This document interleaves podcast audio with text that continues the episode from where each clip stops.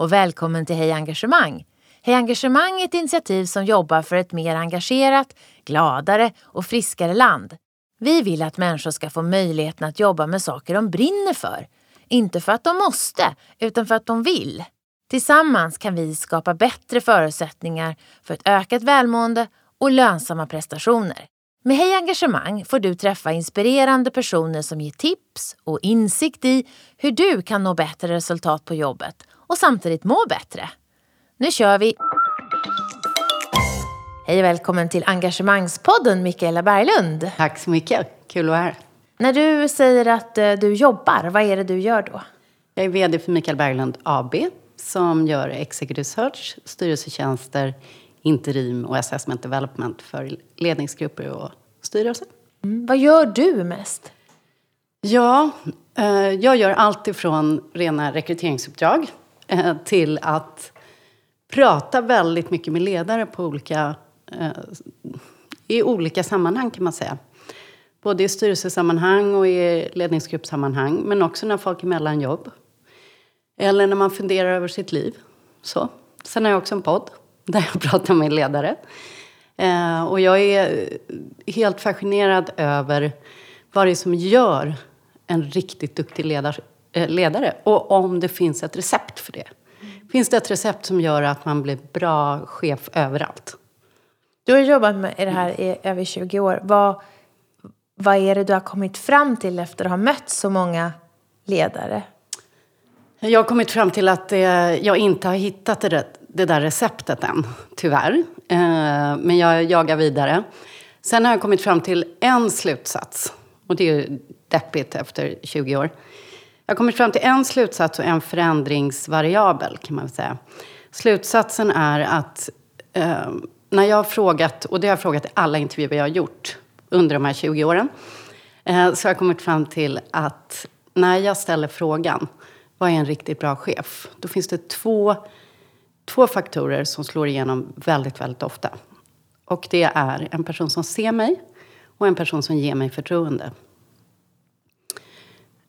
Och, där, och, och de här sakerna, sen, kan, sen kommer saker som tydlighet, det kommer en massa andra kommunikationsförmåga, hög kompetensnivå och så vidare. Men just det här att jag blir sedd, det verkar vara viktigt för oss alla. Oavsett bransch, oavsett nivå och så vidare. Mm. Och det här andra, att få förtroende, att det var någon som trodde på mig. Om du kopplar det då till ledare och deras förmåga att skapa en, en arbetsplats och en kultur eh, som, där, där medarbetarna känner sig sedda och känner att de har förtroende att jobba på det sätt de vill, driva de frågor de vill. Eh, finns det ett recept där av vilken sorts ledarstil eller vilken sorts förmåga skapar det där? Mm. Man kan säga så här att det där är det som har förändrats rätt mycket över de här åren. Därför att det var mycket hårdare faktorer för 15 år sedan. Det var mycket liksom, eh, tydlighet, kunna ta obehagliga beslut och sånt som slog igenom i kravprofiler för 15 år sedan. Idag kommer mer ord som att vara en hel människa, grundtrygghet och så vidare. Ja, alltså från den uppdragsgivaren du har som vill ha någon rekryterad. De säger Exakt. att det är viktigt. Så när man vill ha en VD eller en, vad det nu handlar om. Eh, så vill man idag väldigt, väldigt gärna ha någon som är trygg, mogen och förankrad. Där man för 15 år sedan kanske frågade efter en insecure overachiever. Mm. Det är inte lika poppis idag. Och jag tror kanske att det har att göra med att vi är så... Som ledare idag så är du ganska utsatt. Du är ganska iakttagen. Det är inte bara att du går till jobbet och gör ditt jobb. Utan folk ser faktiskt vad du gör på sociala medier. Du, du måste liksom kunna stå för vem du är fullt ut. Om jag säger engagemang mm. och medarbetarengagemang som ju den här podden handlar om. Mm. Eh, när du hör det, vad, vad, vad tänker du på då? Vad betyder det för dig? Mm. Eh, för mig är det ju förutsättningen egentligen för att kunna ha en framgångsrik kultur. Eh, och för att människor ska må bra på arbetsplatsen. Tyvärr är den ju ganska låg i Sverige. Eh, eller den är väl låg tyvärr i världen, mm. tror jag. Speciellt jag, i väst. Ja. Och jag tror att det hänger ihop med, med just det här som vi pratar om. Att blir man sedd och får förtroende då känner man sig nog också engagerad och motiverad för sitt arbete. Problemet är nog att för att våga ge förtroenden så måste du vara väldigt trygg som ledare själv. Uh, och det kanske inte är så lätt idag. Utan man, rätt många chefer är under väldigt högt tryck. Och det kan vara både tryck från styrelse eller aktieägare eller från en högre chef eller att man är squeezad i organisationen. Då är det ganska svårt att stå där och ja, den här personen har inte riktigt kommit igenom än men den kommer att lyckas. Jag, jag tror att det är Så det är ont om tid ofta? Väldigt ont om tid. Mm. Och ibland kanske också för det här ordet tydlighet eh, och, och framförallt tror jag tydliga mål. Att man vet vart man ska. Det är inte så självklart, har jag märkt. Och också många stora organisationer, där kanske det inte ens är tydligt vad man tillför för värde för bolaget. Um. Finns det uppdragsgivare som använder uttrycket engagemang och medarbetarengagemang i en kravprofil? Det är så att säga som är det önskade, det önskade, den önskade förmågan som de köper från er. Att mm. ni ska hitta någon som har det här. Har förmågan att eh, få upp det och skapa mm. det. Det finns det absolut. Ett vanligare ord är förmåga att motivera människor. Det är vanligare än ordet engagemang. Däremot pratar man om engagerande ledare. Mm. Uh, och det, då skapar man ju engagemang. Att, om vi tar det då, en mm. engagerande ledare eller mm. chef. Mm. Och eh, du vet att det är viktigt kanske för en organisation som söker en ny chef att mm. få det därför det finns låg, lågt förtroende och mm. det, det är många som inte trivs kanske. Mm. Vad letar ni efter då? Vad är det som eh, är, är alltså viktigt oss... att hitta för att veta att den här personen ska lyckas skapa det? För oss är det extremt viktigt att titta på den kultur man ska verka i. Eh, och att inte bara ta uppdraget från chefen och så springa iväg och leta efter rätt person. Utan att vi och eh, oavsett om någon som, för, någon som vi är inblandade, men att den som rekryterar faktiskt på riktigt tar sig tid att förstå eh, vad är det här för kultur? Vad är det som skapar engagemang i den här kulturen? Och det är faktiskt väldigt olika saker på olika arbetsplatser. kan du ge några exempel? Ja, jag kan ge exempel. Om, om du tar, om du tar eh, till exempel en väldigt säljande kultur. Då, då är det ju oerhört viktigt att ha mål, att det är eh, snabba eh, vad ska man säga, belönings... Eh, eh, och då är inte belöning alltid i form av pengar. Men feedback? Men feedback, mm. en tydlig feedbackkultur och så vidare. Däremot i forskningstunga eh, företag då kan det vara helt andra saker som skapar engagemang. Det vill säga att den ledare som är satt har kompetens, att den ser alla eh, vad ska man säga, forskningsområden, att den behandlar folk rättvist och inte favoriserar någonting. Så att det kan vara olika saker, men det viktiga är att ta reda på i varje eh, situation vad det är som skapar engagemang där. Därför att gör man inte det och bara tror att ja, men bara jag stoppar in någon här som verkar ha ett bra track record. Det tror jag är jättefarligt. Och att också ta sig tiden att faktiskt kolla hur har tidigare medarbetare upplevt den här chefen förut. Därför att eh, jag tror att det är ofta slarvas med. Man pratar med en tidigare chef, men man pratar inte med medarbetarna eller peers. Och det, peers betyder? Det betyder de som liksom är, kanske sitter på samma nivå i en ledningsgrupp eller sitter på samma nivå, kollegor. Mm. Mm. Um, och, och uh, tyvärr kan du efter ett tag med ett bra CV så kan du ju ibland CV-surfa. Det vill säga att du... Eh, folk slutar ta referenser därför att de tycker den här verkar jag ha gjort bra förut, så det går nog bra igen. Men går det att säga att, eh, att, att vi kan träna upp som ledare eh, förmågan att se andra och ge bekräftelse och att eh, våga vara, bli så trygg så att du ger eh, att ha sån tillit till dina medarbetare. Det som du då säger är så viktigt. Mm. Eller är det en, en grund, ett grundkaraktärsdrag? Det kan det vara. Det kan vara medfödd talang. Liksom att du har lätt för att se andra människors potential och gnista och sådär. Men det kan faktiskt också vara någonting som du tränar upp i form av din egen personliga utveckling och självinsikt. För ju mer självinsikt du har och ju mer du har mött dina egna eh, mindre positiva sidor desto lättare kanske du har att eh, se andra människors nyanser. Och kan du se andra människors nyanser då kan du faktiskt också se okej, okay, det här är den här personen bra på. Mm. Det ska vi lyfta fram. Så när ni intervjuar, om du kan avslöja lite, mm. vad, vad pratar ni om i en potentiell, alltså ni kallar dem ju för kandidater, en potentiell chef då som kanske ni tänker att den här personen ska kunna ta det här uppdraget. Vad, vad pratar mm. du om för att förstå att det här är verkligen välgrundat att den här personen har en, en insikt om sina tillkortakommanden, mm. att den är bekväm och generös med att släppa fram andra? Mm. Um, man kan säga så här, att dels gäller det att förstå hur personen har gjort det den har gjort. Det vill säga inte bara, jag har genomfört eh, stora förändringar, utan okej, okay, hur gjorde du då? Och hur fick du med dig människor och så vidare. Så väldigt mycket... Och vad vill du höra då? Ja, men det, vad, det, vad tycker du är positivt då? Eh, det är svårt att säga, därför att det finns ju, om du säger i väldigt strukturerade kulturer, där driver du förändring på ett sätt. Du kan inte liksom bara köra på där, utan du måste följa liksom den, den kulturen som finns där. Medan i mer entreprenöriella bolag, där gäller det bara Där är det kanske lite mer... Um, det är bättre att göra någonting än att Kötta inget på. händer. Mm. Kötta på liksom. Um, så det är väldigt olika. Och det, tricket här det är att få in rätt person på rätt ställe. När jag började, då pratade man, det var mitt i dotcom-eran, då pratade man väldigt mycket om stjärnor. Alltså, här, den, här, den här är en riktig stjärna och det här är en riktig sopa. Och jag, jag var redan då så här, hur kan man dela in folk i stjärnor och sopor? Det verkar väldigt märkligt. Uh, och idag kan jag säga så här, det, det, finns ju inte.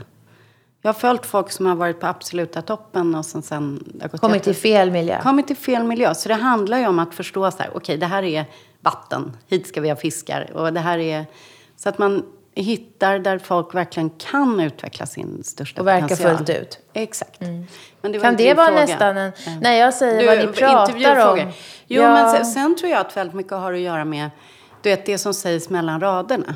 Vilken typ av intervjufrågor är bra då för att lyssna på hur en person eh, beskriver sig själv? Mm. Eh, I form av, av, av tolerans och... Mm.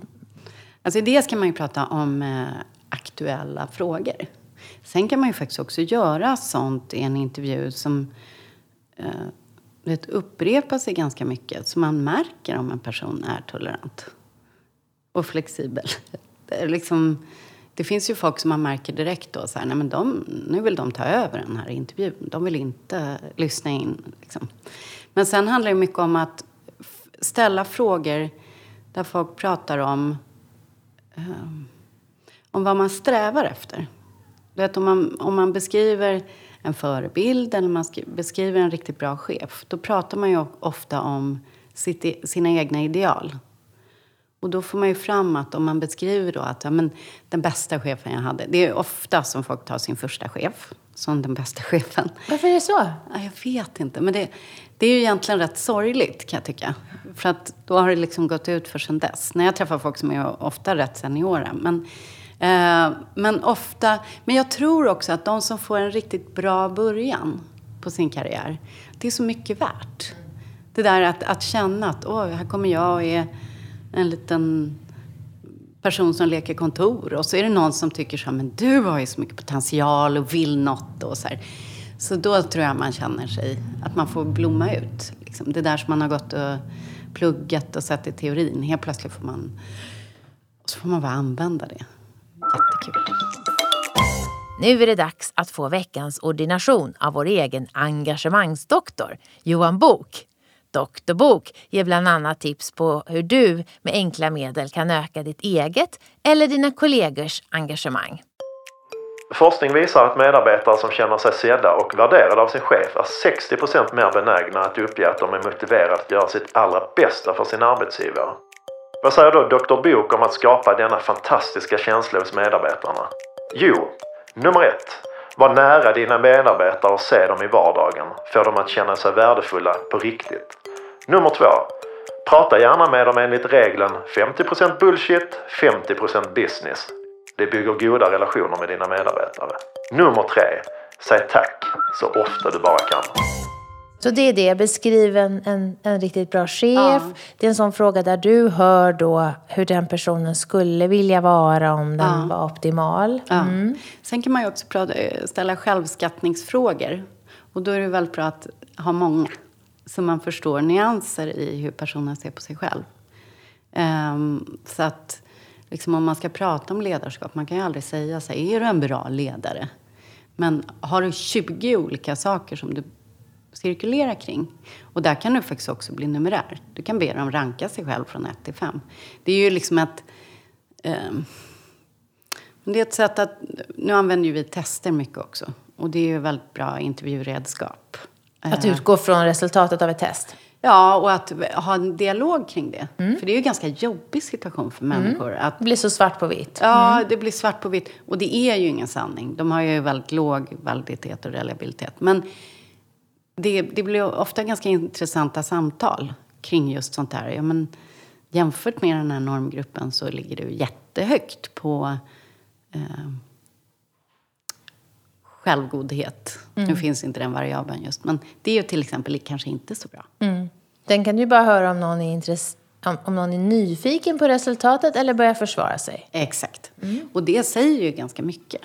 Sen får man ju vara försiktig där. För att jag tycker att det är extremt viktigt att i en intervjusituation så handlar det ju inte om att jag ska så här, nu Beata ska vi se om du är bra eller dålig. Utan det handlar ju faktiskt om att utröna om du är rätt för den här kulturen. Och det här, den här, det här uppdraget.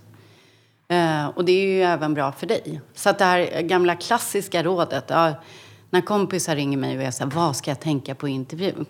Då har jag ju tyvärr alltid två svar på det.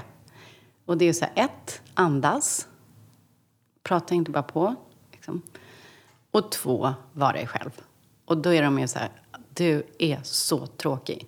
Liksom. Hur kan du säga det Så efter dåliga 20 år? tricks. Det är så dåliga tricks. Fast å andra sidan är det det. Därför att när man har intervjuat folk i 20 år, det man blir bra på, det är att lukta sig till när så här, ja fast det där, det där tror jag inte stämmer riktigt. Och kan du säga då att... Du sa ju... Eh, eller så ska jag formulera frågan. Att du, du frågade... Eh, jag börjar om. Eh, en fråga som har blivit eh, viktigare med åren är det som du kallade för mjuka variabler. Att inte bara skapa resultat utan vara en hel människa till exempel. Och eh, förmågan, men medan på medarbetarsidan så säger man att det viktigaste för mig är skapa en chef som tror på mig och ser mig och ger mig utrymme. Eh, finns det en förståelse? Och gärna ställa krav. Ja, Det gillar ställer jag krav såklart. Eh, men vill inte liksom bli mm, tagen i anspråk. Det är ju vill fint att få bli gjord. Men finns det en förståelse, tycker du, i näringslivet där du rör dig kring att det som heter mjuka frågor faktiskt är kopplat också till lönsamhet? Ehm, det beror på vad det gäller. Därför att när det handlar om det här med ledarskap idag, så det här med att man ska vara liksom en hel människa och gärna att man har, du vet, tidigare var det som herregud, den har en lucka i sitt CV, vad har den gjort eller har den fått sparken? Idag tycker ju i princip alla jag jobbar med att det är bra om du har gått igenom lite kriser. Om man har reflekterat över det och gått vidare så är det idag positivt. Eller kanske varit föräldraledig eller oh ja. pluggat vidare eller... Oh ja. A- Allt sånt där är idag eh, från alla åldrar. Och det är inte så att män över 60 tycker annorlunda, i min erfarenhet. Utan att de allra flesta kunder jag har tycker att ja, men det är positivt med människor som har gått igenom kriser, kommit igenom det, bearbetat det. Är man helt omedveten så är det inte positivt. Men, men ehm, däremot kopplingen mellan de mjuka värdena och ehm, då är det ju så att om man ser att ledarskapet är centralt för att skapa resultat, vilket de allra flesta som kommer till oss gör, då ser man ju det. Men sen har jag en annan fråga där folk inte alls verkar se kopplingen. Och det är du vet, hur, hur man sätter ihop grupper. Um, min övertygelse är att diversifierade grupper skapar bättre resultat och har roligare på vägen. Det finns det inte en, en allmän förståelse kring. Utan, Så man får bara vara lite annorlunda då som ledare? eh, ja, alltså man, man ska ha självinsikt och vara trygg och mogen. Hel mm. person. Det ska man vara. Så långt har vi ändå förflyttat oss? Så långt har vi förflyttat oss. Och det är väldigt positivt. Um, men sen hur mycket, liksom när man talar om allt det här med jämställdhet och mångfald och så. Att det, att det skulle vara avgörande positivt, det finns det inte en allmän uppslutning Och det här då att, det vi säger att medarbetare som får verka fullt ut och vara de de är och bli sedda för den de är, de mm. Det, det, det, är faktorer som du har nu noterat mm. skapar nöjda och högpresterande medarbetare. Finns det en förståelse där att alla inte är lika? Det, det, det kan vara viktigt att anpassa en arbetsplats så att var och en eh, kan få verka fullt ut utan att anses krånglig eller mm. om du förstår vad jag menar. Det gamla sättet är ju att lite får du tåla. Mm. Här gör vi på det här sättet. Mm. Passar inte så finns det andra ställen att gå till. Mm. Jag tror att, jag tror att här, här kommer det ju... Det kommer ju finnas de som lyssnar på det här och tycker, vad är det där för flum? Liksom. Det är klart inte folk ska få göra precis vad de vill. Och det är inte riktigt det jag menar heller. Därför att jag tror att, jag tror att en väldigt viktig sak idag är att, eh, är att jag tror att det skapar bättre engagemang om man som medarbetare vet att man har både rättigheter och skyldigheter. Eh, att det finns krav, det finns men ganska... jag har stor handlingsfrihet. Exakt. Så det här handlar inte om att du ska bli ivägsläppt och flumma runt och göra, förverkliga dig själv. Det handlar inte om det. Utan det handlar om att man vill ha en ledare som sätter de tydliga målen, men sen exakt hur du tar dig dit. Det tror jag inte skapar så mycket motivation och engagemang idag. Mm. Inte för någon ålder. Liksom. Men det kan ju innebära att det finns många olika arbetssätt. Absolut. Människor väljer olika arbetsverktyg, mm. de jobbar på olika platser, mm. de pratar olika, mm. de kanske till och med klär sig olika. Mm. I det toppledarskick av chefer du ser i näringslivet, finns det en förståelse för att så måste det nog få vara om de här personerna ska orka och vilja ge allt för vårt företag? Nu, nu skakar ja, ni som... Uh, det här är ju radio. Jag, jag nu skakar en, faktiskt ja, Mikaela lite på huvudet här. Jag gör en sån här, jag vet inte riktigt. Därför att det, ja, det, det, skaket det är, så det, så, det är så olika typer av bolag som vi jobbar med. Um, och det, det är ju inte heller så att om du tar ett ganska traditionellt företag som har funnits i 150 år och liksom kanske inte är i en transformationsfas, då kanske inte är så mycket så att man ska jobba på... Utan det kanske är lite mer tydligt strukturerat och så här ska man vara för att funka här. Bara ledaren är tydlig med det. Eh, men däremot så finns det ju... Eh, jag tror att det skadligaste är att sända dubbla budskap. Att du säger att vi är nya, superhippa, vi tänker på att du ska ha en mening med varför du går till jobbet och sen har du klippkort. Eller vad säger jag? Stämpelkort. Stämpelkort. Det tror jag inte. Det är liksom det värsta. Så att sända dubbla budskap, att det finns dubbla budskap mellan ledarskapet, kulturen och arbetsplatsen och kanske till och med det man gör. Det, det skapar inte engagemang. Vi pratar ju ofta om att millennials vill ha ännu mer krav på mening och ännu mer att också ledarna ska så att säga eh, redovisa sitt, eg, sitt eget personliga driv och vara sa, väldigt sanna och ärliga och öppna. Eh, är, är, det svårare, är det svårare att, så att säga, fuska därför med millennials och, och, och ha dubbla budskap? Alltså, min, min, uppfattning, och nu kanske jag eh, bäsar den här millennials-grejen helt och hållet, men jag tror alltid att man klagar, eh, alltså den här nya generationen, de är inte kloka. Jag tror att det mer handlar om att så här, nej men millennials har inte ännu varit igenom en lågkonjunktur. Det kommer liksom. Och det, menar, vi som började jobba mitt i dotcom-eran, de tyckte att vi var helt hopplösa. Folk hoppade av och skulle bli IT-miljardärer och de äldre tyckte det var bara en fluga och sen Sen fick vi rätt. ja, nej, men liksom, jag vet inte. Men det är klart så här att det, det, den ledaren och det företaget idag, där det inte hänger ihop, där det är liksom en massa så här, ja men de säger en sak och sen gör de en helt annan och säger att de är miljömedvetna och sen bara strömmar ut skit i Östersjön. Ja, men det funkar inte idag. Nej, det funkar väl inte på någon egentligen? Nej, och det funkar inte. Alltså jag tror ju att, jag är ju 70-talist, jag tycker det är jätteviktigt att ha mening när jag går till jobbet. Och det tror jag att du tycker Mm, också. och jag är 60 Ja, herregud, du är jättegammal. Uh, nej, men så att, uh, jag vet därför inte. så har jag ju inget jobb. Jag är ju frilans, vi har ju inte hittat mening på någon arbetsplats ännu. Nej. Men jag kan skapa Du själv kan med den olika själv. sorters människor. Så jag har ju lagt ett lapptäcke av, av arbetssätt Mm. och uppdrag. Där jag hittar olika pusselbitar i olika konstellationer. Och jag har eget företag. Så att, Så Då också, kanske inte vi är så typiska då, Nej. för vår generation. Men, men jag tror, däremot så tror jag att ett jätte, jättestort problem för Sverige, det tror jag är något helt annat. Det tror jag är att vi inte är uppmuntrade att drömma. Så att väldigt ofta när jag sitter med folk som är mellan jobb eller så vidare och jag frågar så här, men vad vill du då? Då blir de så här, men berätta det för mig. Berätta För vad att- som finns. Berätta vad som finns.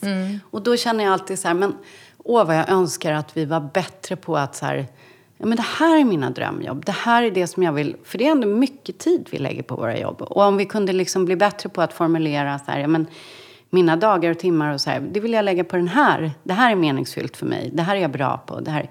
Och att vi också kanske blir bättre på att vi har fortfarande ett väldigt linjärt, eh, linjär syn på hur en karriär ska gå till. Du ska liksom gå uppåt hela tiden så här på en stege och få bättre och bättre jobb och högre och högre lön. Och det ska hänga ihop väldigt Det ska tydligt. hänga ihop. Men, men grejen är det att vi rekryterar inte längre det kravet. Det måste inte hänga ihop. Ehm, så jag tror att om vi alla blir bättre på att tänka så här, ah, okej, nu har jag jobbat med det här i 10-15 år. Nu kanske jag tar att kliva lite neråt på den här stegen för att hoppa över till en annan stege. Därför att nu är jag jätteintresserad av det där. Då tror jag att vi skulle få ännu mer motiverade människor. Därför att jag tror, jag upplever att ehm, det finns lite golden handcuffs och att folk blir liksom inlåsta av sin egen livsstil idag. Jag brukar säga att folk inte tar ansvar för sitt engagemang. Nej, lite så. Av bekvämlighetsskäl. Ja, Jag jobbar här på banken, då får jag så bra ränta, då har jag råd att bo i det här huset och så har jag alla de här grejerna och nu kan jag inte byta fast jag egentligen hatar det. Nej, och min fru eller man kanske blir arg om jag liksom, vadå, ska jag bara helt själviskt hoppa av? Men någonstans är det ju så här att om inte vi själva tar ansvar för oss själva, vem ska då göra det? Det är inte banken liksom. Du var inne på det här med dubbla budskap. Vad, vad ser du för koppling mellan engagemang och kommunikation mera? Kan, kan engagemang genereras genom bra kommunikation? Absolut. Och där tror jag att... Jag hör ju att det blir väldigt flummigt, men jag tror ju att, att, man, Jag tycker du är tydlig. att man blir äkta, att man blir autentisk, att man pratar från hjärtat, att det man säger... Folk känner om det har en betydelse för den som talar. Eh, och, och motsats då, så känner folk om det inte har en betydelse. Det finns ju ingenting som är så oengagerande som att lyssna på föreläsningar där man känner så här, men den här personen bryr sig inte om det här. Eller att, eh, du vet, i många företag, och då kommer jag tillbaks till tydlighet igen, för jag tror att det kanske inte är tydlighet som definierar den bästa chefen, men det är tydlighet, otydlighet som definierar den sämsta chefen. Alltså om folk inte vet vad, det, vad som gäller och vart man är på väg och sådär, och att det är otydligt kommunicerat, då skapar det en massa otrygghet och en ma- massa oengagemang. Mm. För då, då vet inte... Och stress eftersom de flesta är rätt så hyggliga vill göra ett bra jobb och försöker gissa sig fram till hur man då ska göra det. Och jag har en väldigt positiv människosyn. Eh, Så jag tror ju precis som du att de allra flesta människor vill bara gå till jobbet och göra ett bra jobb. Sen kanske inte alla vill jobba 100 timmar i veckan, men det är en helt annan grej. Ehm, Så jag tror liksom att som ledare har man ju också en skyldighet att vilja eh, få ut det mesta från folk. Att vilja så här, men Beata, du har lite mer att ge. Hur, hur får vi dig att tycka det är kul? Precis som du då faktiskt har en skyldighet att så här, ja, jag förstår att jag har det. Och du har också en skyldighet att om du inte känner att du, får, att du har en tydlighet så har du faktiskt också en skyldighet som medarbetare att ställa krav. Och det tycker jag var roligt i en nyhet jag läste idag med eh, Amazon som har den här testperioden när man blir anställd och sen så kan man få en stor påse pengar om man väljer att hoppa av. Om du känner att det här jobbet passar inte mig. Det blir ju som, en, det blir som ett test då. Är jag på riktigt engagerad eller vill jag bara göra det för pengen? För då kan du få pengen och gå därifrån. Mm.